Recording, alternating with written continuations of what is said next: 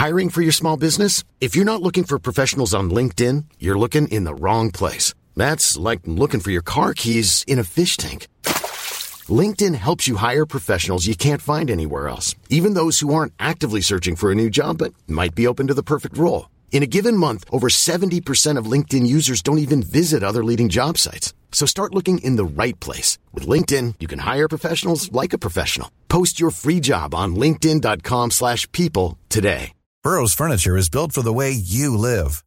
From ensuring easy assembly and disassembly to honoring highly requested new colors for their award-winning seating, they always have their customers in mind. Their modular seating is made out of durable materials to last and grow with you.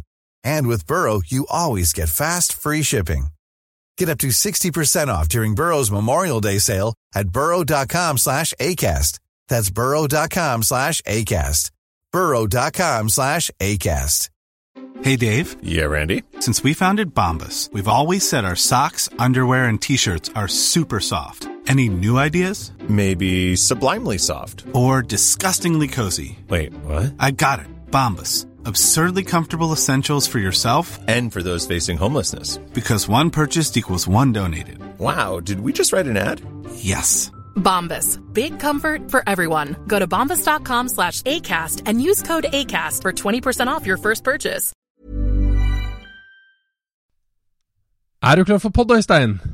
Yes, veldig klar for podd, Jon Roar, for nå skal vi inn og snakke om formidling av bil og bilkultur. Ja. Og ikke minst så skal vi på trolljakt.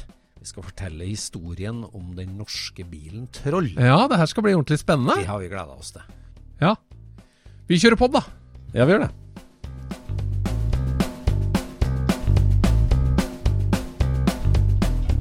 Du lytter nå til Scootspodden, en norsk podkast om klassisk bil med Jon Roar og Øystein.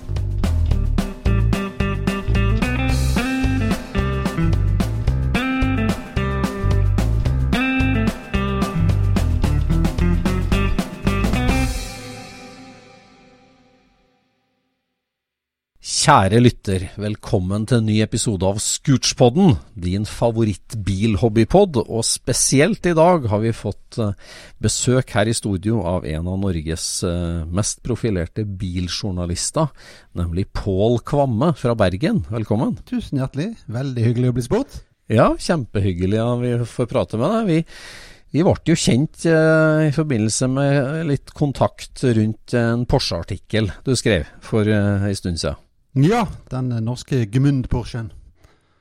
Ja, Det er jo litt av en røverhistorie. er litt av en røverhistorie. For du, du tar ikke lett på de sakene du tar på deg som eh, journalist. Du, du går i dybden. Det er jo noe av det mest fantastisk morsomme jeg gjør, faktisk. Å skikkelig grave ned i gamle godbiter og saker. Så det er utrolig stimulerende. Ja. ja, er det, noen, er det noen grense for mye tid man kan bruke på en artikkel, egentlig? da? Sånn i research? Ja, jeg kan jo ikke gi meg før jeg sjøl er helt fornøyd. Nei, men, det? Men historien blir jo aldri helt komplett. På en måte, Du må jo skrive det på et punkt. Før eller siden må jo sitte et punktum. Man må jo det. Det er jo Ja. fryktelig irriterende hvis det dukker opp eh, fakta etterpå, men eh, sånn er vel Det er livet. Sånn er det. Ja, for du skriver jo for Bergens Tidende og A-pressen, ikke sant? Aftenposten. Og, og artiklene får jo stor spredning. Ja, dette er jo viktige ting som må ut. Bil er jo, Mm, ja. Bil er jo en virkelig stor del av livet, livene våre. Det har jo gitt oss enorm frihet og skapt utrolig mye jobber og velferd. Og jeg er vel en av de Ja. få bilentusiastene som også skjønner at han sakte, men sikkert kveler oss. Ja. Nå kommer det med murstein inn ruten om ti minutter, det er jeg helt sikker på. Der klipper vi bort, don't worry. Nei da. Nei da, det er sant. Men ja, for, det, det- som jeg starta litt innledningsvis her, og det der å formidle om bil, det å nære oppunder interesser, enten det er nybilkjøpere eller entusiaster som oss, det er jo et, et utrolig viktig område. Altså det der å bære bilkulturen i, i skriftlig form, da. Ja. Absolutt. Og det har du gjort som et, eh, en misjon. Gjort det til en misjon. Ja, det var vel en, en hobby som ble til levebrød. Ja. Og det er jo ikke det verste. Nei, det er ikke verst, det. Men ja, hvordan starta det egentlig? Altså, er, er du født bilinteressert, eller? Nei, jeg er jo fra kanskje to mil utenfor Bergen, og der gikk jo bussen veldig, veldig sjeldent. Så jeg tenkte jo at bil, det var veien til pikers hjerter. Ja. Så feil kan man ta. Damer ble det jo ikke, men eh, interessen har absolutt blitt værende. Ja, ja. For eksempel i dag, så jeg kan jo ikke telefonnummeret til min kone, men jeg husker eh, chassisnummeret på den Porsche 356-en jeg hadde. Ja. Det høres ut som vår, vår type mann. Men altså, du utdanna deg jo som grafiker, ikke sant? Og starta som journalist tidlig. Ja, jeg, jeg er grafiker egentlig, men eh, det er gøyere, mer stimulerende å skrive enn å lage de samme annonsene og avissidene opp og ned hver dag. Ja. Men hvordan solgte du inn din første bilartikkel, da? Jeg vet ikke, det er så lenge siden, rett og slett. Men han er redaksjonssjefen sa at kanskje det ville bli noe av meg en dag. Men på hvilket, eh, på hvilket nivå er det at denne tanken om at det er eh, Altså at, at det er vits å skrive om bil? Hvor, eh, I hvilket nivå skjer det på? Er det redaktøren som sier at vi må jo faktisk omhandle bil siden det er kultur i bil også, eller er det eller er, det eller er det rett og slett fra deg? Er det du som spiller inn? Er absolutt bare meg som spiller inn. Ja, Det gjelder bare å finne gode historier og så selge de inn på en eller annen Ah. måte som eh, de lar seg eh, overtale på. Ok. Ja, men hva, hva er det som liksom trigger der, da? Hvorfor skal den eh, menigmann som leser Aftenposten, lese om bil? Altså, hva, hva, hva er hva er, Ja, hvorfor? Fordi bil er jo en veldig, veldig viktig del av livene våre. Kanskje delvis litt utskjelt del av livene våre. Eh, Og så er det jo Ja. noe man har, mange har veldig sterkt forhold til, og, eh, og det er ofte gode historier. Rett og slett. Ja. ja. Så jeg skriver ikke så veldig mye om tekniske ting, men om, om menneskets møte med bil på en eller annen måte. Ja. Ja. ja, for det er mye Ja, der. Masse, masse. Ja. Ja, for vi glemmer jo ofte det nå når du sier at vi blir kvalt av det, og liksom det, det, er en, det er en trussel mot menneskeheten. Og så, er det jo, så har det jo betydd utrolig mye for menneskehetens utvikling. Altså Bare det å reise ut av fjord og, fjord og fjell i Norge her og flytte på seg. Altså mobilitet eh, har jo forandra verden fullstendig, og bil er jo en veldig viktig rolle av det. Absolutt. Det er jo veldig mange steder, også i Norge, der du er helt fortapt uten bil, antageligvis. Mm. Mm. Hva, hva er det som, eh, som slår deg som er spesielt med nordmenns forhold til bil? da? Altså, Hva er det du finner når du dykker ned i disse historiene? Nordmenn har jo et litt sånn manisk depressivt forhold til bil, har ikke du det? Har ikke vi det? Har vi det? Ja, alltid vært misunnelig på utlendingene fordi de har kunnet kjøpe attraktive biler til en normal pris. Ja, Så, det er sant. så snudde jo det helt opp med elbilene, da. Da var det jo omvendt. Mm. Ja. Ja. Skriver du mye om, om ny bil også, eller skriver du mest om gammel bil? Nei, hvis jeg finner en god historie om, eh, om, eh, om nye biler, så gjør jeg gjerne det, altså. En av de siste sakene Ja. jeg skrev er om Lotus sin eh, voldsomme forvandling nå. De har jo solgt 1600 biler i året, og nå skal de selge 150 000. Og de blir Ja. laget i Kina og uh, helt andre typer luksusbiler enn de lille sportsbilene de en gang snekret sammen borte i England. Ja, ja. Ja, det syns jeg er en ja det er bare fascinerende sak. Men Ja, hvilken pitch fungerer best inn mot uh, redaktøren, da? Er det, er det menneskehistorien, eller er det liksom sånn eh, eh, dette, er en, dette er en sensasjon, at vi har hatt en sånn bil i Norge. Kan du liksom bruke det som pitch? Jeg tror de fleste i min bransje er lidenskapelig uinteressert i biler, så eh, Lidenskapelig uinteressert, ja. ja, ja. ja. Så, så, så, så det bør, bør være noen personer der, altså. ja det må være noen Ja, jeg person. skjønner. Ja. Ja, hvordan, altså Den der historien om uh, den eneste aluminiumsporsen som har vært i Norge, da, Gmund nummer 45. Hvor- Hvordan, hvordan selger du inn den? da, liksom? Altså, altså, for den fikk jo veldig stort oppslag. Altså, Var det forsida på Aftenposten? Ikke det? Jo. Jo da. Og, og, altså, Hvor starter du den der, da? på innsalget liksom, og, og konstruksjonen av storyen? Si. Nei, du bare skriver en liten pitch om at dette er en helt utrolig historie om at den er verdt 200 millioner kroner og ble kjøpt for noen hundrelapper på, på 60-tallet. Hvis det er penger, mye penger involvert, så er det jo lett å selge inn. Ja. Så, ja. Ja, det er Fame and en god deal, liksom. Ja. Ja, ja. Det var ikke så mye eh, pene damer kanskje i den historien, men, men penger, selvfølgelig. Ja. Ja. Ja. Akkurat. Jeg skjønner. Hvordan, eh, hvordan blir hvordan, hvordan tilbakemeldinger får du da, liksom? Fra, altså, får du det fra, fra folk? For- Menigmann? Uh, ja, av og til. Det, det er litt rykk og napp. Uh, men det er ikke noe Ja. særlig system i det, egentlig. Av og til får jeg jo en e-post eller en telefon om at det var jo utrolig interessant. Ja.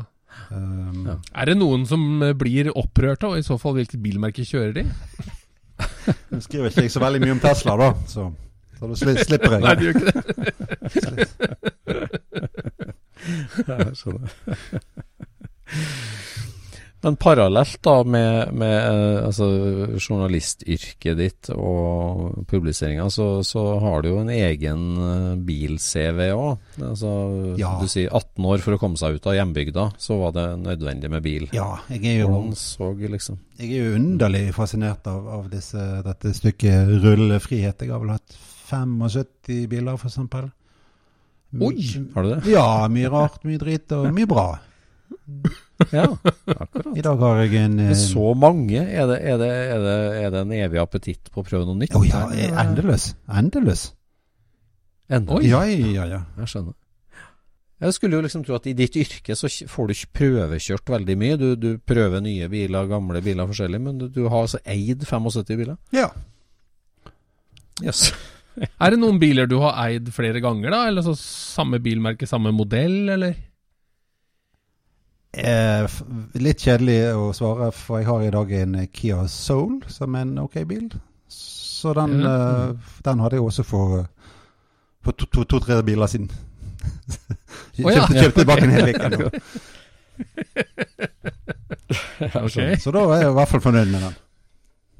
Men hvis du bare har hatt den bilen to ganger, så må du jo ha Altså, det er jo appetitten på å prøve nytt som, som gjelder her.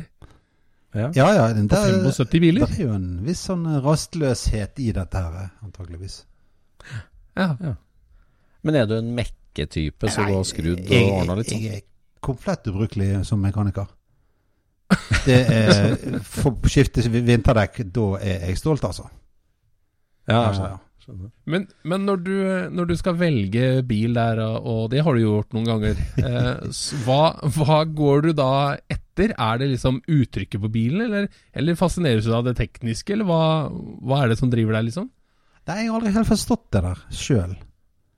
Men okay. det, det er jo en eller annen sånn dragning eller en, et eller annet i, i, i vinden eller i tiden eller noe som plutselig begynner, Ja. begynner å eh, Når jeg kjøper en ny bil, så har jeg nesten neste bil sånn på planleggingsstadiet nesten, da. Oi, såpass, ja. Ja. Men da er det jo nesten ikke så nøye hva det kjøper da heller, for at du er allerede klar for neste. Jo, det er jo selvfølgelig eh, noe som ikke er blitt altfor dyrt allerede, og eh, som jeg f helst kan la være å tappe penger på. Som jeg har eh, lyst på. Litt eksotisk, eksentrisk bør det jo være. Ja. Ja. Så i dag har jeg en, eh, en 92 Saab 900 Turbo Cabriolet. Det er en av de siste gamle. Ja. Den er gammel og eksentrisk, eh, ikke ulikt eieren. Ja. Så det er en, en hobbybil som du har igjen fortsatt, og som du ikke har tenkt å bytte ut, eller? Jo, jeg har hatt den i tre år, så nå, nå, nå begynner jeg å kjenne det, altså. Ok. Ja. Nå blir jeg Så det er ikke sånn at det var en keeper, liksom. Du, du, det er både på bruksbilsida av garasjen og i hobbybilsida så er det utbytting. Ja. Ja, det må det være. Ja. Jeg Ja. skjønner. Men er det en rød tråd i de, i de hobbybilene dine? da? Altså, hva, hva var liksom det første store som du kan ta fram der på diskografien? Det var en uh, beryllgrønn 61-modell boble som jeg dessverre klønte det til med. Uh, har hatt veldig mye folkevogner. Et par Porscher. Uh, og så litt, uh, litt ymse innimellom Ja. der. Ja. Fortell oss om den første Porschen, da. Det var en eh, hvit 944 som lakk vann som ingen andre bil på jordkloden. Så det ble et kort eh, Hvilket år var det her? Det kan ha vært 98, kanskje? Noe sånt. Jeg tror, 98, ja. jeg tror det var en ja. 283 eller noe sånt. Ja. Så den var alltid våt og, og, eh, alltid våt og muggen inni. Så da skulle jeg si, da, da var det naturlig at neste Porsche ble lufta og kjørt, men eh, det var, det var altså lekkasje i form av vann, det var ikke kjøling Ja, det. ja. Jeg skjønner. Ja. ja, for du har hatt en 356 òg? ja, en svart, eh, nydelig. Jeg tenker på den hver eneste dag, og det er i 2016 jeg solgte den, så det har jo gått noen år, da. Ja. Ja. Jeg solgte Så det eh, angrer du på? Jeg solgte den ti minutter før de begynte å gå opp i verdi. Ja, jeg skjønner. Hva slags bil er vi prater om da? En eh, 61-modell eh, Porsche 356. Ja. Med tak? Ja. Kupé? ja. Tøft. Ok, så, så for en mann da som bytter bil to ganger i året omtrent, i snitt, eller noe sånt, så, så er det en bil du ville ha beholdt? Å, veldig, veldig gjerne. Jeg, har, jeg lurer ofte på om jeg skal ta kontakt med han selger. Han som kjøpte den, han har jo fem stykker, så um, Men jeg har ikke råd til det lenger. Ja. Nei. Men hva var grunnen til at du solgte den, da? Uh, vi flyttet for at uh, ungene skulle få en um, Ah. eh, bilveifri passasje til skolen. Og, Ja. og da mistet vi garasje også. Ja, stemmer. Så det var et offer. Mm, ja, det er et sånn offer. Det er et offer. Ja, men er det, en, er det en rød tråd i det? Altså, sånn Porsche, folkevogn, Saab eh, altså, er, det, er det en rød tråd i de hobbybilene dine? Det, det, det, det drar seg tilbake til Volkswagen og, og, og Porsche stadig vekk. Jeg tenkte enten skulle kjøpe en før 67 Carman Cabriolet, men de var blitt så dyre at jeg fikk jo mye, mye mer for pengene på den Saaben. Ja. Ja. Ja, sånn. Og mye mer utlegg òg. Ja. Men sant. er det noe uh, overheng av uh, Altså Nå har vi hørt mest om tyske biler. da Har det vært noe litt fransk, eller Jeg hadde meg en Peugeot 404, den Pininfarina-bilen, som jeg syns er veldig flott. ah, Ja. Hadde et par amerikanske biler. Mustang Camaro okay. 67 RS SS, originalen. Oi! Oi. Illsint Ja. liten sak. Ja. Ja. Har virkelig eh, lang erfaring da, ja, med forskjellige bil. Men er det Altså når du, Hvis du skal beskrive en bil, er det, er det liksom kjøreegenskapene? Er det din, din følelsen du får rundt bilen? Designet, eller hva er det du er opptatt av? Jeg vet ikke om det er en sånn slags nostalgisk romantikk som ligger i bunnen. Om at alt var bedre før, og i hvert fall bilene. Det var noe du måtte Ja. kunne. Ja. Mm. Oppfyller du eh, ungdomsdrømmer når du velger bil, eller, eh, eller er det nye diller? Det er vel alltid den, eh, de bilene jeg ikke hadde råd til da jeg var ung, som Ah, dukker opp ja, igjen når jeg blir gammel. Ja. Da er vi like. ja. Ja, det gjelder å se der. Alle, alle har jo den der priskurven fra Meny til de er absolutt på bunnivå, og, og så begynner å gå opp igjen. Ja. Eh, Ja.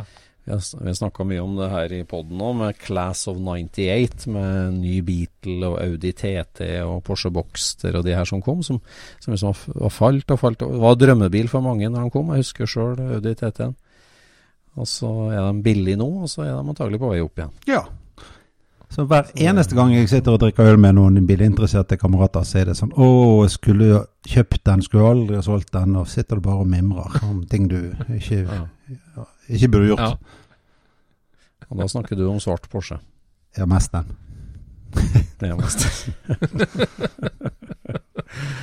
ja, ja. Nei, Saab er jo et merke vi har stadig innom i podden, podden vår, og som vi liksom ønsker å bli mer kjent med. For den er jo liksom så corky og spesiell at vi, vi vil så gjerne like Saab veldig mye mer enn jeg gjør, egentlig. Jeg. jeg. Jeg skal jo ha med en 92 uten bakluke, det er jeg helt klar på. Men hva, hva er det med turbo-Saben som gjør den så spesiell for deg? Mest det at den er helt skrullete hele bilen, liksom. Det er bare rare løsninger. Bare rare løsninger. Er det? Ja, jeg, jeg, jeg, jeg kommer ikke på noen akkurat nå, altså, men uh, Ja, at du låser den uh, i midten av konsollen, og at den står låst i revers, og sånne, Ja, sånne små ting som det, eller? eller? Sånne ting. Og så gjorde de eh, Det er varmeapparatet. Det er kalt verdens dyreste varmeapparat noensinne. Det er vakuumsystemet deres. Ja. Det, motoren står jo egentlig feil vei inn i bilen. Det normale, er jo å ha motorblokken foran, og så har du en girkasse bak, og så drifter drift og bakhjulet, da eventuelt, eller forhjulet. Men her er det jo Altså, kløtsjen er jo foran i grillen. Mot grillen til bilen. Så det er en gammel Triumph-motor som jeg var snudd bak frem eh, because they could. Jeg skjønner. Men han mangler jo frihjulet, da. Ja, han har det. Han har mangler det. Ja. Men altså, Saab er jo thinking man's car. Det må man jo si. Ja, Det er liksom noen som har, eh, som, som har tenkt veldig mye, og vi skal ikke gjøre som de andre. veldig. Nå er Trollhättan vei. Gr- Grunnen til at de gikk i dunken, var jo at det var ikke nok arkitekter i verden. Nei, ikke sant? Ja. Sant. Ja. En artikkel som, eh, som jeg beit meg mye merke i, som du skrev for noen år siden, det er jo den om den her utrolige bilen fra de hjembygd, fra Gjellestad. Eh, 1916 Owen Magnetic. En svær, diger, supersær amerikansk bil, som er en av de få overlevende i hele verden i dag. Ja, ja. Og den eh, tok du tak i, og, og oppsøkte til og med dagens eier. Du må fortelle oss litt om den utrolige historien fra Gjellestad. Ja. Det er jo en liten bygd utenfor Bergen. ehm, og eh, denne bilen sto jo bare noen hundre meter fra der jeg eh, bodde som barn. Jeg gikk jo forbi den eiendommen på vei til skolen og sånn som dette. Eh, og så begynte jeg å snuse på, på, på, på denne bilen. Um, det var jo en skipsreder som faktisk er da bestefaren til Mats Gilbert, han kjente legen. Som uh, tjente gress under første verdenskrig. Eh, han ble kalt Bergens mest spektakulære jobbetidsreder. Som er kanskje ikke et kompliment. Ja. Når han i 1916 skulle kjøpe seg bil, så gikk han til topps. Han tok inn denne Owen Magnetic, eh, den eneste Bertil Osten importerte. importerte. Uh, og det var jo en veldig, veldig kostbar eh, Kostet vel 10-15 ganger mer Altså du kunne kjøpe en 10-15 T-Forder for samme prisen. Helt vanlig Ja. 600 motor, men det var ingen mekanisk kobling til drivhjulene. For istedenfor et normalt svinghjul, så var det en svær sånn hesteskomagnet som skapte et elektromagnetisk felt som drev da en elektrisk girkasse bak. Ja. Veldig rart konsept, altså. Han ble jo kalt The Car with a Thousand Gears, eller noe sånt. ja. ja. Um, Perfekt Sånn for Bergen. Så var det. og det var en fyr ute på Gjellestad, en, eh, en kar som het Harald Bjering, som var en merkelig skrue, veldig samlemani og ekstremt gjerrig. Hadde masse penger, og det var hull i taket på huset hans, altså fysisk hull i taket. Han var veldig lite populær blant naboene på Gjellestad. Han hadde et hotell der på 30-tallet og 40-tallet som han leide ut til nazistene. Hadde masse bilvrak på tomten, og et av de var jo selvfølgelig denne Owens, som han overtok etter kompisen skipsreder Gilbert. Ja. Og på slutten av 60-tallet, omtrent idet jeg ble født, så var det en eh, eksentrisk amerikansk arkitekt som het eh, Daniel Liebermann. Så foreldrene hans eh, i, New Jersey var venner med Oppenheimer og forfatteren Thomas Mann. Og han hadde spist lunsj med Einstein og jobbet for Jobbet for Frank Lloyd Wright eh, og dro til Europa. Og, og i, i 1967-68 så dukker han opp på NTH i Trondheim i en Alfa Romeo. Spør om Kan jeg få jobbe her? Og det var greit. Ja, Og så året etter, tror jeg, så var det en student fra Gjellestad-området som Han var jo veldig bilinteressert, denne Liebermann. Og denne studenten hadde jo sett den her eh, Owen Magnetic som sto halvveis eh, råtnet under et ned, eh, sammenfalt tak. Ja. Og viser bilder av han. Og han er Liebermann. Ja. Tar toget til Bergen med koden og får kjøpt bil for en svimlende sum. 50 000 kroner, visstnok. Og det var et vrak, Ja. altså. Ja, det finnes jo bilder av henne når han står i det her uthuset. Eller Ja. ja. Det var et ordentlig prosjekt. Ja, veldig prosjekt. Så den ble sendt til USA. Ble stående der. eh, Men han Liebermann skjønte, han, han skjønte hvor sjelden han var. For 50 000 kroner i 1967, det, ja, Det var jo, det var drøyt for et rak. det var jo tre eh, nye folkevogner, det. Ja. Ja. Men hvor mange Og var- sånne og Magnetic han- fantes det i 67, da? Eh, jeg tror det finnes rundt et dusin i dag. Eh, det ble vel laget oppunder 1000 den gangen. Ja. Mm. Så um, Så han, han kjøpte den fordi at han var sjelden allerede da? Ja, han skjønte hva det var for noe. Han hadde Ja. ikke gitt 50 000 kroner hvis ikke han skjønte det, altså. Nei, nei. Men da var han selgeren, det var han eh, som hadde den i alle år, det på en måte. Det var ikke noen arvinger, det var han eksentriske karen med hull i taket. Ja. Som da eide den, ja. Mm, Ja. 67 og selv. Ja. For det, det måtte jo være sånn Make an offer he can't refuse. Altså å smelle 50 000 i bordet, det Ja. Og, og eh, der ble den værende uten særlig mye skjedde i USA, i, i et eller annet sted i California. Og så, eh, for rundt 30 år siden, så dukket jo eh, Jay Leno opp. Den meget kjente TV-verten og bilsamleren. ja. Og skjønte hva, han, hva dette var for noe. Så han slo til og fikk og restaurert den og alt mulig. Ja, Så han kjøpte den av arkitekt Liebermann? Gjorde han det? Herregud. Ja. Akkurat så, som med Jay Leno nå, så har vi egentlig hatt bare fire eiere av den bilen siden 1916. Antageligvis, ja. ja. Ja. Herregud. Ja. ja. Utrolig. Ja, så Jay Leno kjøper den, og, og restaurerer. Ja. ja. Han har jo både penger og folk som kan dette, så han uh, Dette er sikkert ikke den letteste bilen å restaurere, da. Det er jo ingen som skjønner uh, noen ting av denne der uh, fremdriften der. Ja. Så jeg prøv... Men alle vi som har fulgt med på denne olakledde mannen i California, har jo sett at han er jo ganske opptatt av historien til bilene. Ja. Så, Dukka han opp i Bergen han òg, da, eller? ikke ennå. Men jeg prøvde jo jeg prøvde å få fatt i han da, og så via en fyr i veteranbilmiljøet her i, i Bergen, så får jeg eh, kontaktinfo til hans uh, assistent.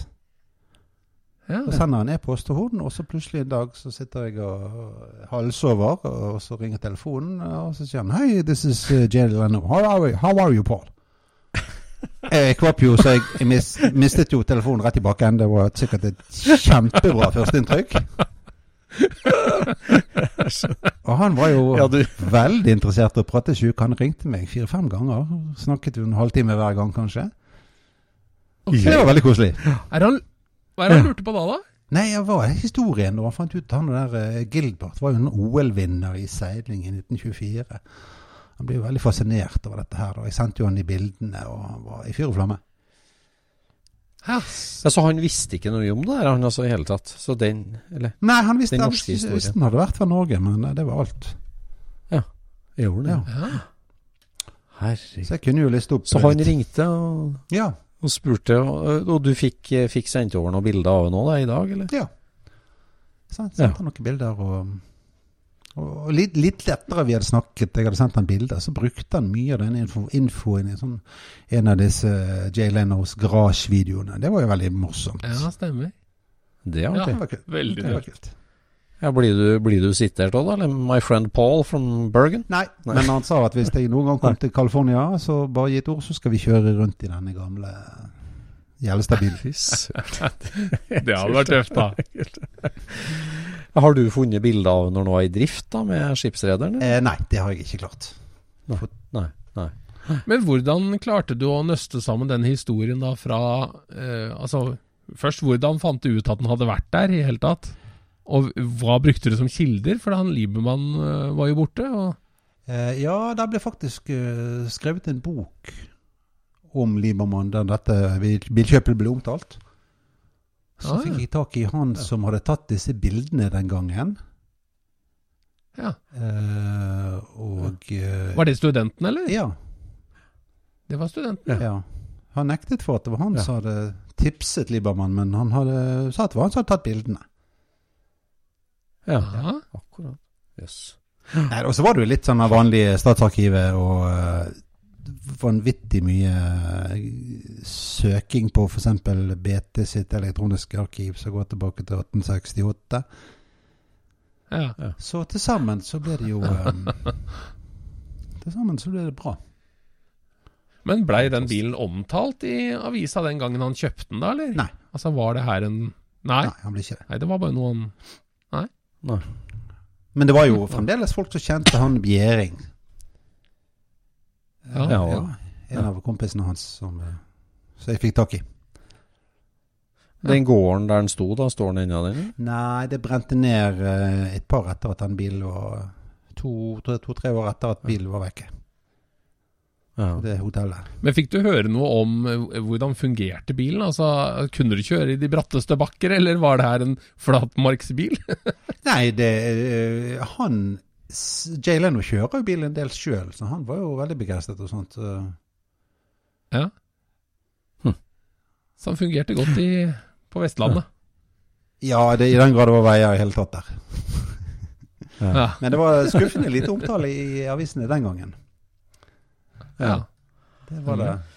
Det er jo så artig, artig at du tar fram den historien og, og ja, finner historien og forteller den i nyere tid òg. Jeg husker den sto på trykk, og det er jo fantastisk, altså. Det der. Det, ja. det er et sånt gravearbeid som er prisverdig, og som jeg håper du får den respekten du skal for. for gravearbeidet er stort. Ja, men det er jo kjempegøy. Men sånn når du men sånn når du graver eh, bil i Bergen, det må jo være mye redere du er borti, eller? Ja, det var jo ikke så lett å få tak i bil den gangen heller, altså. Nå er ikke dette noe jeg gjør hele tiden, da, men eh, Nei. Nei, nei. Men er det din erfaring at det er eh, de her veldig spesielle bilene som forteller en sånn spesiell historie? Eh, altså, kan en historie bli like interessant om en Amazon òg, eller? For altså, Liebermann, eh, Einstein Altså, det er jo Det, det er liksom eh, Det, er nivå. Det, ja, det er nivå. Ja, ja. Nei, det er absolutt eh, Det er egentlig mm, den relasjonen mellom bil og menneske som gjør en god historie veldig ofte. Mm. Og da kan det jo være eh, hva slags bil som helst, egentlig. Mm. Mm. Ja, Kan du komme på en sånn historie med en eh, relativt normal bil og en eh, vanvittig historie, da? Eh, jeg var jo borte i Telemark, i Notodden i hvert fall, og laget en i sak om en fyr som kjørte rundt i faren sin bil fremdeles. Selv om han egentlig ikke likte Aha. den før han hadde hatt den på slutten av 50-tallet. Og sønnen bevarer den og kjører rundt i den. Syns det var en drittbil, men han kjører den rundt i den. Ok. Ja, det var, det var en, det en DKV eller noe sånt, ja. det? Ja. ja, stemmer det. ok. Ja. Hva var poenget der? Var jeg det synes det sier så mye eller? fint om, om mennesket, egentlig. Ja. Det er en viss kjærlighet som dukker opp. Ja, ja, så han kjørte sin fars gamle bil til tross for at han hata bilen fordi at han elska sin far, da? Eller, eller Ja, moralen? det er jo et liksom? minne om faren, selvfølgelig, som selvfølgelig var- long Ja. gone. Men det er jo mange som prater sånn om bilen sin, da. Altså at eh, Ja, som de har et sånn elsk-hat-forhold til bilen. Ja. Så at eh, Ja, hvis faren min klarte å kjøre inn, så skal jo jeg klare det òg. Nei, jeg, jeg, Ja, men er, er det liksom Er vi, mm. Er vi så glad i de bilene fordi at uh, altså, driver mennesker generelt og personifiserer bilen så det blir en venn, eller er det bare et veldig viktig verktøy liksom, som gir deg muligheter? Altså, når du snakker om det menneskets forhold til bil Vi snakker jo om det som et emosjonelt uh, personlighetsforhold, på en måte. ja, ja. Man kan jo bli glad i ting og hus og hva som helst. Mom deserves the best, and there's no better place to shop for Mother's Day than Whole Foods Market. They're your destination for unbeatable savings, from premium gifts to show-stopping flowers and irresistible desserts. Start by saving 33% with Prime on all body care and candles. Then get a 15-stem bunch of tulips for just $9.99 each with Prime. Round out Mom's menu with festive rosé, irresistible berry chantilly cake, and more special treats. Come celebrate Mother's Day at Whole Foods Market. Planning for your next trip? Elevate your travel style with Quince. Quince has all the jet setting essentials you'll want for your next getaway, like European linen, premium luggage options, buttery soft Italian leather bags, and so much more. And is all priced at 50 to 80% less than similar brands. Plus, Quince only works with factories that use safe and ethical manufacturing practices. Pack your bags with high-quality essentials you'll be wearing for vacations to come with Quince. Go to quince.com slash pack for free shipping and 365-day returns. Noen er til og med glad i katter. Forstår du den som vil? Jeg kjenner ei som er veldig glad i katter. Jeg kjenner ei godt. Men, men forstå det, den som kan. Nei, jeg ser nå på de der bilene, de gamle bilene ofte som en litt sånn uh, vakker, men uh, temperamentfull uh, og kostbar elskerinne. Så det, det, det er litt ofte ja. hat- og elskforhold samtidig. Det er alltid noe tull. Ja. ja. Hva gjør du hvis du blir stående langs landeveien da, med en hobbybil sånn? Du rekker hendene i været og ringer Viking? Ja, ikke sant. Eller? Nei, jeg har ikke ringt til de på ti år, så jeg klarer jo å humpe, humpe meg hjem, stort sett. Ja, ja. Så bra. Så bra. En eh, stor sak som du, som du jobba med som ble altfor stort for en artikkel, og som ble til ei veldig flott bokutgivelse, eh, det må vi jo innom, Pål. Og det er jo historien om eventyret om Troll. Den norske bilen Troll. Ja. Mhm. Der eh, har du en helt egen gnist eh, som, som førte til bok. En flott bok som jeg bestilte fra deg og har hatt stor glede av.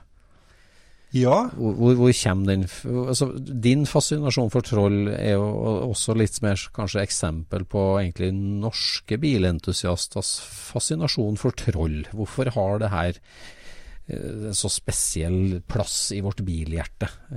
jeg tror jeg skal begynne egentlig med, med, min egen inngang til troll. Jeg var kanskje sånn tolv år og uh, hørte om en norsk bil. Det kunne jo ikke stemme. En norsk bil, hallo? Mm -hmm. Men den ja. fantes jo. Og jeg har ja. hørt veldig mye om han, og lest mye om han. Og så ble jeg jo egentlig sånn mer og mer irritert, egentlig. Det er jo en spektakulær historie fra vår nære fortid. Men det, så, det, var så mange hull i den historien. Det var så mye bombastiske meninger og, og nesten ja. ingen fakta. Man, man, visste ikke engang hvor mange som ble laget, liksom. Nei. Så da tenkte jeg at uh, min misjon her i livet Jeg sa opp uh, i, i BT bl.a. for å skrive den boken. Og det gjorde jeg. Ja. Så det brukte jeg tre år på. Og, ja, såpass? Så du er den ekte trolljegeren, altså?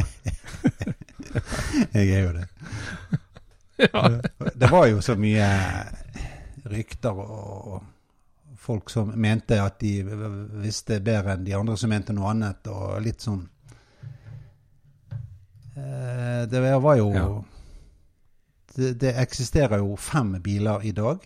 Fire de ble lagd på fabrikken, ja. men så var det også en fot av en annen troll som ikke så ut som alle de andre. Og hva ja. hadde skjedd med denne, da? Uh, The Missing Troll. Ja. Var det mye rykter? Var han gravd ned på Rena? Var han brukt som overbygd på en båt oppe i Nord-Norge?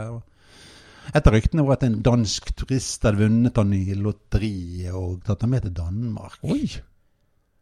Ja. Og så etter hvert så finner jeg ut at uh, hva som skjedde. Det, det, var den aller første trollbilen som ble påkjørt bakfra av en lastebil. Ødelagt bak. Så støpte de rett og slett en ny bakdel i glassfiber, sånn at den lignet på de nyere og mer moderne trollbilene. liksom. Jaha. Ja, akkurat.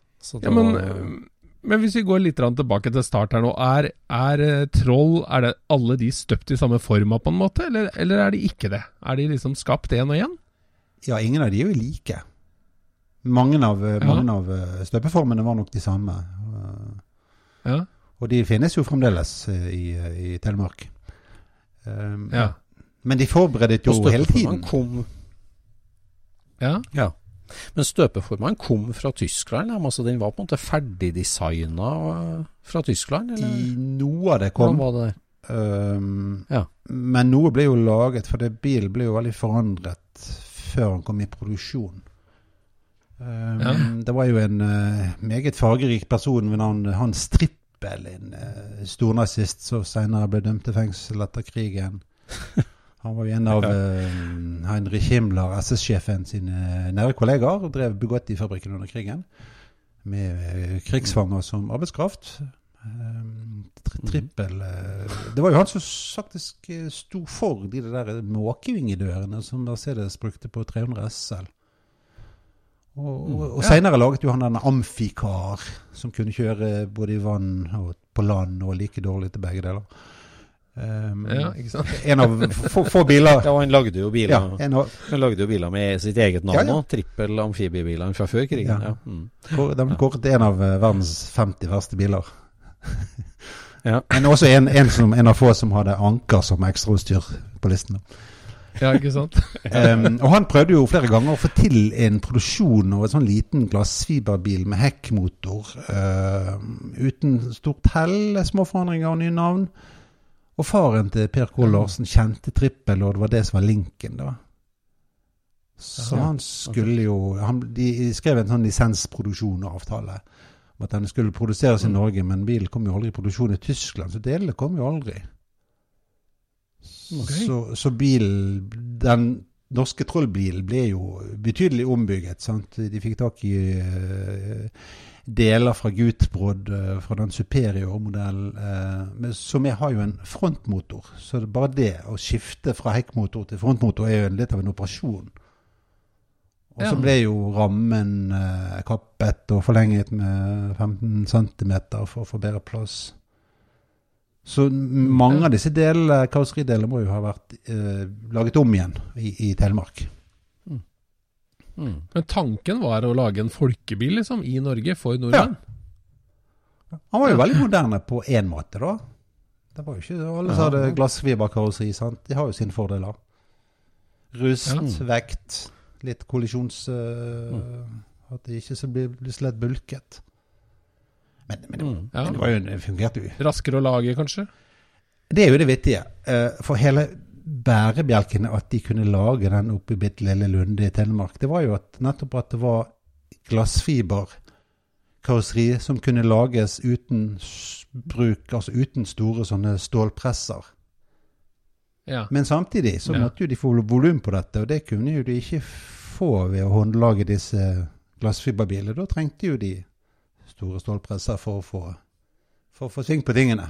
Det var en av mange sånne selvmotsigelser. Men eh, hvordan havna det i Lunde? Var det der han bodde? Uh, nei, overhodet ikke. Nei, de, de fomlet frem og tilbake, og så fikk de jo ehm, De hadde hatt kontakt med disse ordførerne i Lunde mange år tidligere. og Så ble de kastet ut fra Kambo, så da fant han frem de gamle brevene igjen. Ja. Men- Så de var ved Moss, egentlig? altså? Ja. Det var da de Ja. første famlende forsøkene skjedde. Akkurat. Du, du nevnte jo så vidt altså Per K. Larsen, gründeren og, og mannen bak det. Si litt kort om han. Hvilken type var han Per K. Larsen? Det var jo en av de tingene jeg var litt eh, irritert over. At det, var, det ble sagt at han var kaffedyrker fra Afrika. En nordmann. Og, men det virket som hele fortiden til han var litt sånn dusset ned. Og årsaken til det fant jeg jo i tyske krigsarkiver. Han var jo på andre Ja, siden under krigen. Ingen eh, Ja. Ja. Ingen sånn slem stornazist, men eh, han uh, løy som bare det når han skulle hjem igjen til fødelandet etter krigen. Men han hadde jo et ufattelig pågangsmot. Til og med etter at Troll hadde gått over ende og familien var bankerott, og da ville han prøve på ny å lage en ny glassfiberbil. Så det var ikke noe å si på innsatsviljen der. Nei. Yes. Ja, når, når starta han målretta mot å bygge bilfabrikk, da, egentlig? Altså, i- Moss, da, var det, var det mange år før 56? eller? Uh, ja, 3-54. Ja, Ja. akkurat. Så starter de forhandlingene med trippel og får hjem delene, og det etablerer det som skal bli Ja, ja. Troll. Ja. Hvor kom Navnet, fra, da? uh, faren hans var tysk, og uh, moren var da fra eh, de der Nå husker ikke jeg navnet i farten, selvfølgelig, men disse uh, hvalfangerfolkene som holdt til i Grytviken. Ja. Han, Ja. han Det er en sånn stor, kjent Uh, Det er ved Sandefjord? Ja. Ja, nedi der et sted, ja. ja. Ja. Så faren til Per K. Larsen, eh, Ludvig, han var en veldig kjent forsker i, i Tyskland. Ja. Og Ja. du, til dels lege i Norge. Ja. Ja. Ok. Ja, akkurat. Men ut av det øh, Hvor kommer navnet fra? Har de Fant du ut noe om hvorfor det skulle hete Troll? Det var rett og slett fordi det var et troll å jobbe med, hadde Kål Larsen sagt. Hæ? Var det det? Jo, Nei. var visst det. Han har sagt det om Ja, bilen. det var troll å jobbe med den bilen. Derfor troll. Sa det var sånn. Ding! Sa han det? Der var det navnet på plass. Ja, akkurat. Men det var virkelig ambisjoner. Det skulle bli serieproduksjon og masseproduksjon. Ja, storveis. Men, han- men det Ja. var jo en eh, ganske sånn streng bilrasjonering på denne tiden, så hele poenget, altså bærebjelken i det, var jo at det måtte få tillatelse. Det var ikke lov å importere biler sånn veldig enkelt, så, men kanskje hvis de kunne lage det i Norge, arbeidsplasser, you know. Men eh, det gikk jo sånn Regjeringen og staten har jo fått veldig mye pepper uh, for sin oppførsel i denne, denne historien her. Og delvis riktig. Okay. Uh, de, de, de klønte veldig mye. Det gjorde de. Um, han fikk ja en gang, og så fikk han nest ja, tja, og så nei, og så ja, Mye Ja. frem og tilbake. Ja, men hva gikk det på? Altså, hva, altså, å få typegodkjenning, eller få lov til å lage bil, eller altså? Ja, altså bilrasjoneringen. Da fikk du ikke du ta inn eller kjøpe deg en bil hvis ikke du var sånn taxisjåfør eller dyrlege eller noe sånt viktig. Og det det var var- primært for holde, at det var et luksusprodukt, og du skulle holde valutaen i Ja. Norge. Liksom, det var valutaen i eh, Norge. ja. Men det fantes så, så, så sånn- det kunne de ikke bruke mot den. Ja. Mm. Men det fantes en sånn bytteregel eh, som ble brukt i stort monn mot østblokken, der eh, Norge Mm. solgte de fiskeprodukter, og så solgte de oss bl.a. østblokkbiler tilbake for akkurat samme Mm. verdi. Mm. Men det var ikke noe nordmenn ville ha, egentlig. da. Mm. Men det var jo en uh, utrolig verdifull avtale. Mange titalls millioner i året. Mm. Men staten fryktet jo at hvis det kom en norsk bil som var attraktiv, så ville den gjøre at ingen ville kjøpe østblokkbilene, og da uh, spøkte du litt for den avtalen. Ja. Så de hadde ikke sett på en troll engang, altså? Nei, nei. og så ville jo rablet for andre bilimportører hvis Troll fikk lov å selge det de ville. sant? Ja. Ja. Men den byttehandelen var jo gøyalt. Eh, Legeforeningen eh, skal jo ha kjøpt et parti med tømmer, så de sendte til England og fikk byttet i et, en bunch med usolgte britiske biler. Ja. Og da var det greit, for da har ikke det gått valuta ut av landet. Ah. ja. Nei. Nei, det er jo historien om de første 200 folkevognene nå, det. Det er jo Kasein fra Lillehammer ysteri til Danmark i bytte mot bobla. Mm. Ja, ikke sant. det- Det var andre tider. Ja, andre tider. Ja. Så med tyske deler og tysk aner, da, så starta de opp eh, i Lunde, ja. Og, og, så- og så tar jeg oss gjennom de chassisnumrene. For at det er jo liksom Det fins eh, fem biler. Ble det lagd bare fem biler? Er alle, eks, eksisterer alle som ble lagd? Eh, ja, det ble laget fire på fabrikken. Og så eh, I Lunde. Lunde. Ja. Og, alle, og alle dem finnes i dag? Ja. Ja. Og så ble Ja. det laget en etterpå av, eh, av konkursboet, eller det var ikke et konkursbo, men av eh, opphørssalget på fabrikken. Ja. ja. Og den finnes Så, også i eh, dag? Den finnes også i dag. Ja. ja. Men ingen av de tre er helt like? Ingen av de. Nei, nei, nei. Nei, altså nå sa jeg ingen av de Nei. tre. Ingen, av- ingen av de fem. Ingen av de fem er helt Nei, like. de var jo bare Nei. halvferdige prototyper alle sammen, egentlig. Litt Ja, så sånn hjemmesnekret. eh, Og så sier du at støpeformeren det er vel liksom, jeg, jeg har hørt et rykte om et karosseri, liksom at det finnes et ferdig karosseri, òg, eller stemmer det? eller? Ja. Han, eh, Ja. Larsen flyttet jo til Sørlandet etterpå. Uh, og han hadde med seg et karosseri, og det henger på, en, uh, på et loftet på en bondegård der nede fremdeles. Oi, oi. Ja, Ja. så- det? ja. Gjør det det? ja da. Så da, så da er akkurat, så det går an å bygge seks i hvert fall. Men det, er- det er jo, det er jo Tucker-historien all over again. Sette sammen deler etter konkursboet og lage flere. Det er jo Tucker, det. Ja. Ja. Ja. Det blir vel, blir Men vel eh, bilde, da. fikk, fikk, de, ja. fikk, fikk de solgt alle sammen? Altså Solgte de én og én, eller hvordan fungerte det der? Ja, eh, de fikk solgt stort sett mye til sånne mm, lotterier. Folk var jo ufattelig sugen på å få seg en egen bil på den tiden. Så hvis Ja. de fikk lotteriene hadde fått tillatelse til å uh, ha en bil som første premie, så var det lettere for folk til å kjøpe lodd, rett og slett. Ja. Ja. Så to av de var jo lotteribiler. Men det morsomme er at den ene, ene eh, som vant en av de der, meldte seg jo aldri. Han ble stående på en parkeringsplass i Oslo i, evigheter. Han ble jo gjort til narr i VG og sånt. Randy. Aha. Ja, for, for at den, den var på en måte litt uh, uglesett i sin samtid òg, da, trollen? eller? Ja, han ble jo gjort litt narr av. Han ble det. Ja, Ok. Var det for at den var norsk, eller var det liksom Hva var det, liksom? Altså, han var jo verken pen eller god, og det var jo sånn halvferdig hjemme, hjemmesnekret kjerre som kostet mer enn et, uh, en hel folkevogn.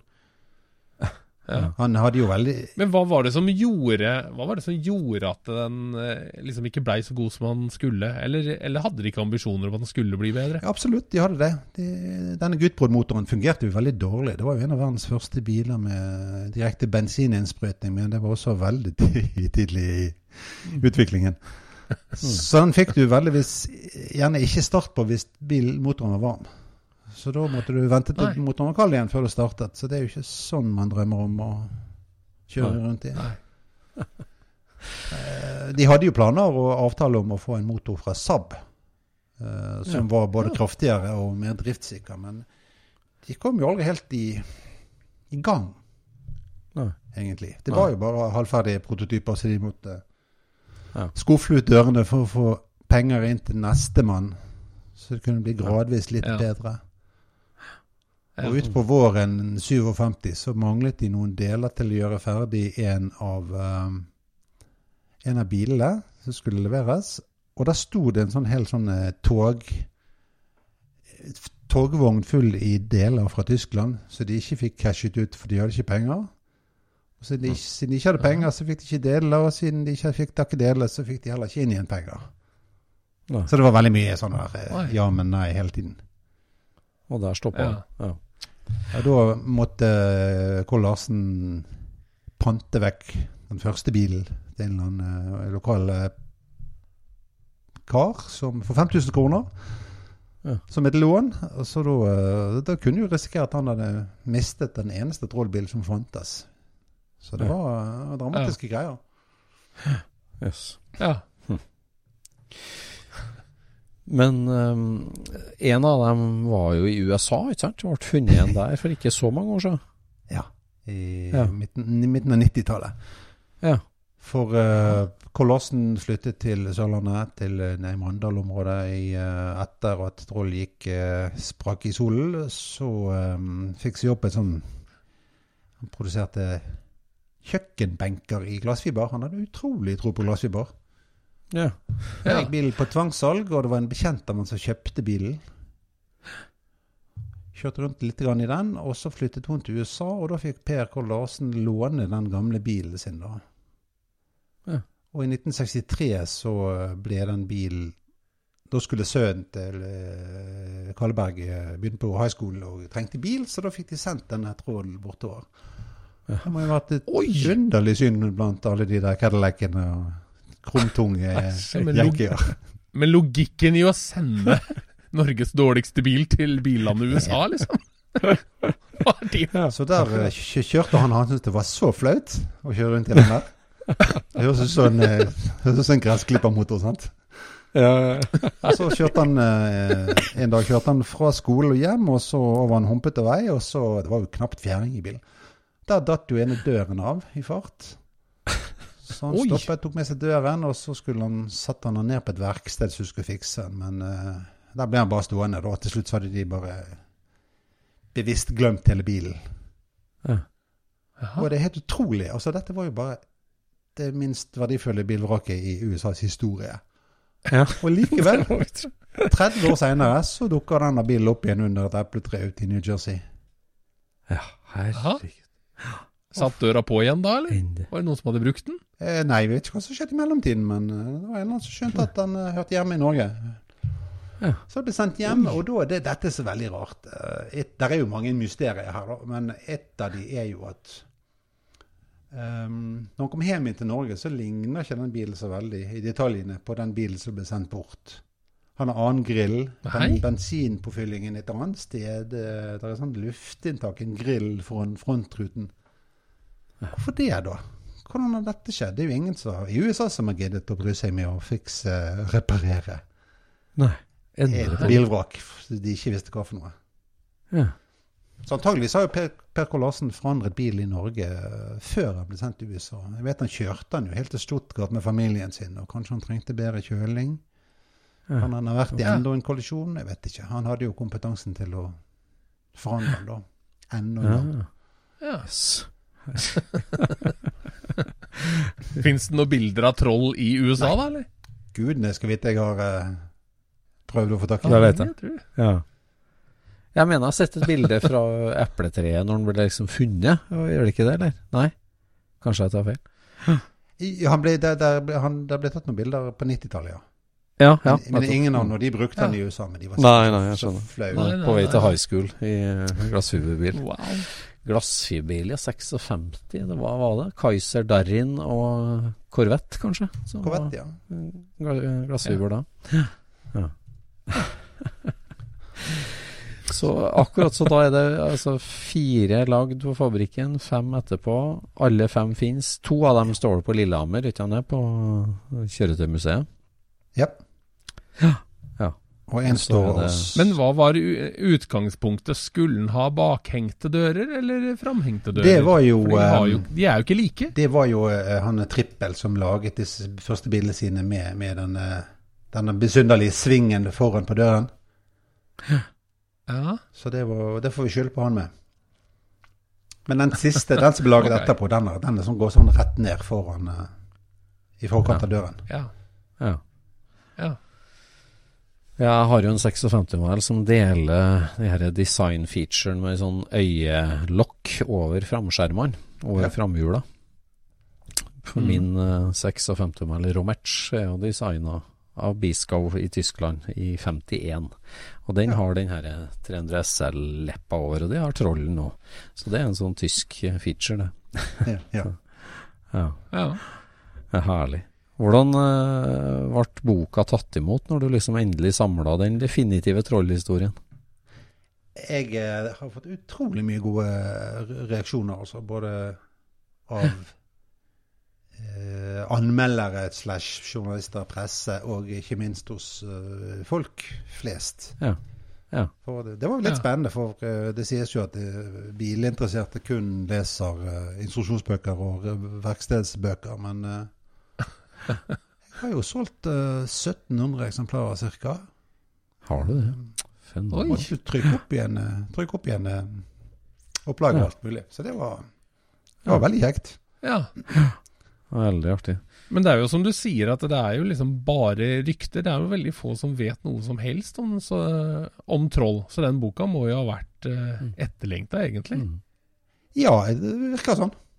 Det var i hvert fall utrolig tilfredsstillende å nøste opp i alle disse Ja, ja. tingene. Ja. Men altså, når jeg får dilla på noe og graver meg ned og leser og leser og studerer, og som du sier, jeg skal, jeg skal komme meg gjennom skogen av tro, jeg skal finne sannheten og fakta.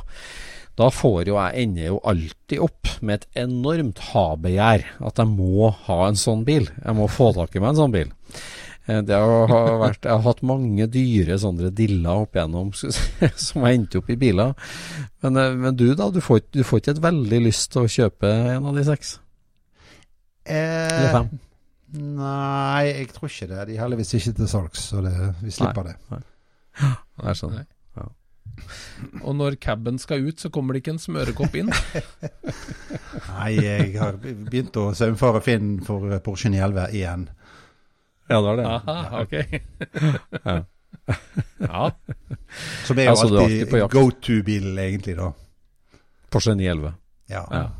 Siden 356 er blitt så dyr. Ja, ja, ja. ja. Ja, hvordan, eh, hvordan er på arbeidssida? Er det noen spennende bilartikler du jobber med nå, da, og graver i? Eh, ja, det er det faktisk. Eh, Ja.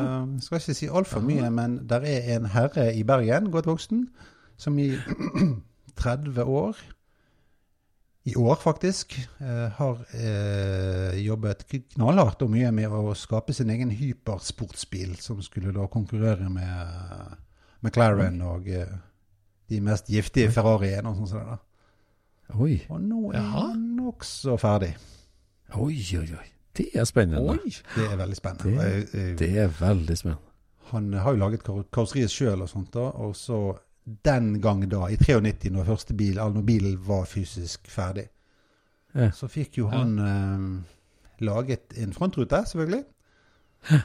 I motsetning til Troll, som brukte Ford Sefyr frontrute. Ja. Eh, fikk han spesiallaget firma bort på Røros eller et eller annet sånt sted. Og så har det gått så lang tid at nå er det jo helt andre krav til frontruter. Så han, fant, han fant ett eh, firma i England som kunne lage den der, så han sendte bort den gamle frontruten. Du må jo sånn EU-merking på en eller annen måte. Men eh, da måtte jo han eh, De laget ikke færre enn ti om gangen, så da måtte han kjøpe ti frontruter. så det er veldig mye sånn eh, reg regelverk som har tatt han igjen, som forsinker prosjektet veldig. Ja. Og han har aldri snakket om Oi. dette, og eh, litt pga. den drømmen om Trollboken, så har jeg fått uh, aksess. Jeg er jo veldig, Oi. veldig stolt, spent og Ja. Ja. Tøft. Jeg har til og med tenkt å, og vurdert å skrive drømmen om Think, men vi får nå se på det. Herlig. Gleder Ja. Og jeg trenger vel ikke nevne Drammensbilen heller, kanskje? Ja, den har jeg òg skrevet om. Det òg var et eventyr. Den har jo de fått skilter på og alt mulig nå, så. Ja. Ja. ja. Ja, så du har en veldig kjærlighet for de norske. Ja. Ja, Blir det bok om supersportspill nå, da, eller er det en artikkel? på en Nei, måte? jeg tror det bare blir en artikkel. Ja. Ja. altså. Herlig. herlig. En manns person og drøm, det òg. Ja. Fantastisk. Men hva tenker du om at, eh, at en hel bilverden sitter og ser på Norge konstant nå? Der har vi aldri vært før. De har kanskje sittet, sittet på oss og ledd, men nå eh, ser de jo opp til oss, liksom. Det er jo utrolig. Ja. Det er ganske spesielt. Ja. Det er, eh, hvem hadde trodd det skulle komme? Ja. Bortsett fra Ja. gutta som starta trollet. ja. Eller Think. ja. Eller Think. Mer- Mer think enn troll, tror jeg. Ja, det tror jeg. Det tror jeg. Jeg har jo en, har eh, skrevet- Der er jo en kar her i Bergen som eh, vokste opp i en, eh, en eh, det var jo en tosetter, så han lå under et teppe baki når de skulle på fotballtrening, og storebroren satt foran Ja. under bakluken. Og i dag har, kjører han sånn, men så krasjet han han, og så kjøpte han da en helt lik en, samme farge, for å fortsette. Ah. Men den sto jo i, borte i Drammen eller et eller annet sånt sted borti der. Og eh, du, det tar jo litt tid å kjøre en Think til Bergen hvis du skal lade. Ja. For den går ikke an å ha en hurtiglade. Nei. Hvordan gjør du det da? Jo da, han tok båten til Danmark. Og tok båten videre til Bergen igjen fra Danmark. Så han måtte kjøre til utlandet for å få han inn. Oi! Da vil du, altså. Ja, da Da vil vil du. Da vil du.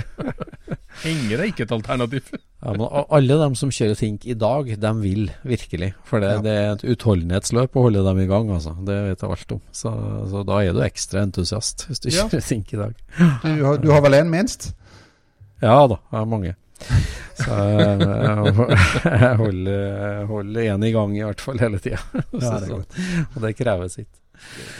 Nei, jeg har jo vært Jeg har jo hatt et lite sånn horn i sida til troll på det der. For jeg har jo skrevet en del om Think, og jeg har jobba på Think og har et sterkt forhold til det. Men det er liksom det at med en gang norsk bilproduksjon skal snakkes om, så er det liksom troll. De fleste snakker om ja, troll, og vi hadde jo troll, og det var en fiasko og sånn. Men jeg sier fader heller, vi lagde jo 3000 Tinker i Norge. Det er jo et mye større og viktigere masseproduksjonskapittel enn troll.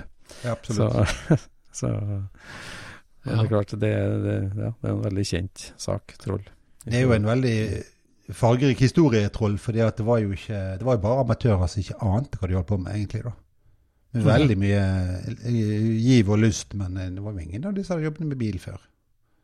Og så er det jo på hver sin side av dette her å ha eh, altså, regjeringa mot seg, eller med seg. Ja. Ja.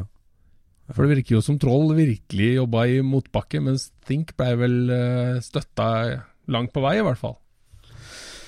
Det er sant. Det er jo litt, er litt, litt spennende å høre. Kunne Troll ha lykkes hvis de fikk tillatelse, og derfor investorer og penger, og derfor fikk i gang en produksjon? Markedet var jo brennhett. Folk var desperat etter bil. Mm. Mm. Ja. Men de fikk jo aldri utviklet bilen. Nei. Men samtidig så gikk jo eh, Forsvant jo den der eh, rasjoneringen eh, relativt snart etter. Ja. Så da var jo da var jo løpet kjørt uansett. Da kom jo virkeligheten inn. Ja. Ja. ja, nei, det tenker jeg på at uh, Men det, det er en liten sånn parallell, da. At du kan si at Troll i utgangspunktet skulle hatt det norske markedet for seg sjøl fram til 1961, når kjøpetillatelser ble oppheva. At man der skulle hatt alt innes en insentiv til å lage en virkelig kul bil, eh, annet enn en Pobeda, da. Et alternativ. For det var jo Pobeda eller førkrigsbilene som var alternativet da, midt på 50-tallet. Så det var et slags vakuum der man skulle tenkt at det var veldig gode vekstvilkår. Og det var litt det samme for Tinko, eller Pivko, når vi starta der i 92. ikke sant? Og, og staten fulgte på med alle de her insentivpakkene som nå Elon Musk har nytt så utrolig godt av. Alle de pakkene. liksom det at, at man tok bort årsavgift, tok bort moms, tok bort bompenger, tok bort parkering, årsavgift. Alt sammen. Eh, og Think var den eneste tilbyderen av bil. De andre fabrikkene hadde jo ikke ren elbil ennå. Så, så der og skulle Det er man jo der Drammensbilen kommer også. At den skal også inn under et regelverk. Ja, det er jo varebilregelverket. Så det der smutthullet der som skulle gitt gode vekstvilkår, men som dessverre da ikke gjorde det for noen av dem. De smutthulla lokker egentlig folk ut på tynn is. Det er vel egentlig det de Ja, gjør. det. Og du kan, kan ikke leve på å lage biler som bare slår an i Norge. Nei. Og bare over ti Nei, år. det. Det går liksom ikke. Nei da, det er sant. Nei, det var veldig hyggelig, Pål, å- å svinge innom at du tok inn, turen innom Scootspodden. Og, og takk for alt du har gitt oss av gode tekster og artikler og innsikt gjennom årene. Takk, det samme. Også at du dytter bilinteresse på vanlige folk. Det er jo Ja, det er litt- veldig sunt. Det fineste komplimentet jeg får, er at av og til så er det kvinner som har lest uh, sakene mine og sagt at det der var interessant. Ja, ja, Ja. det er bra. vet Nei, Det er jo akkurat der altså Det er jo det der menneskets følelse for bil. Det er jo der magien Det snakker vi om i bilentusiastmiljøet. og sant, Bilene er jo bare objektene. Det er jo alle de følelsene som entusiastene har, som er det spennende. Mm. Så Fantastisk. Veldig, veldig trivelig. Så må du si fra da når Jay kommer på besøk til Norge. Så da vil du ta med oss mikrofon og komme. Jeg har fremdeles en drøm om å få Jeg prøvde to-tre ganger under pandemien å komme meg over, men det gikk jo ikke. Skutt ned hver gang, de der planene. Ja, ja, Ja. Nei, bort der må du. Det var kjempehyggelig. Ja, det må du. Det må du. Rapportere live. Tusen takk for besøket, og takk for praten. Og takk for eh, til deg, alle lytter som tuner inn og hører på Scootspoden hver uke. Takk for besøket. Takk. Takk og hei. Scootchpoden produseres av SSC Media, med god hjelp av VV Norge og Trond Dahl for hosting, Knut Micaelsen for musikk. Abonner på Scootchpod via podcaster eller Acast, og følg Scootchpod på Instagram og se det vi snakker om. Der kan du også komme med kommentarer og innspill, og fortelle oss hva du vil høre om.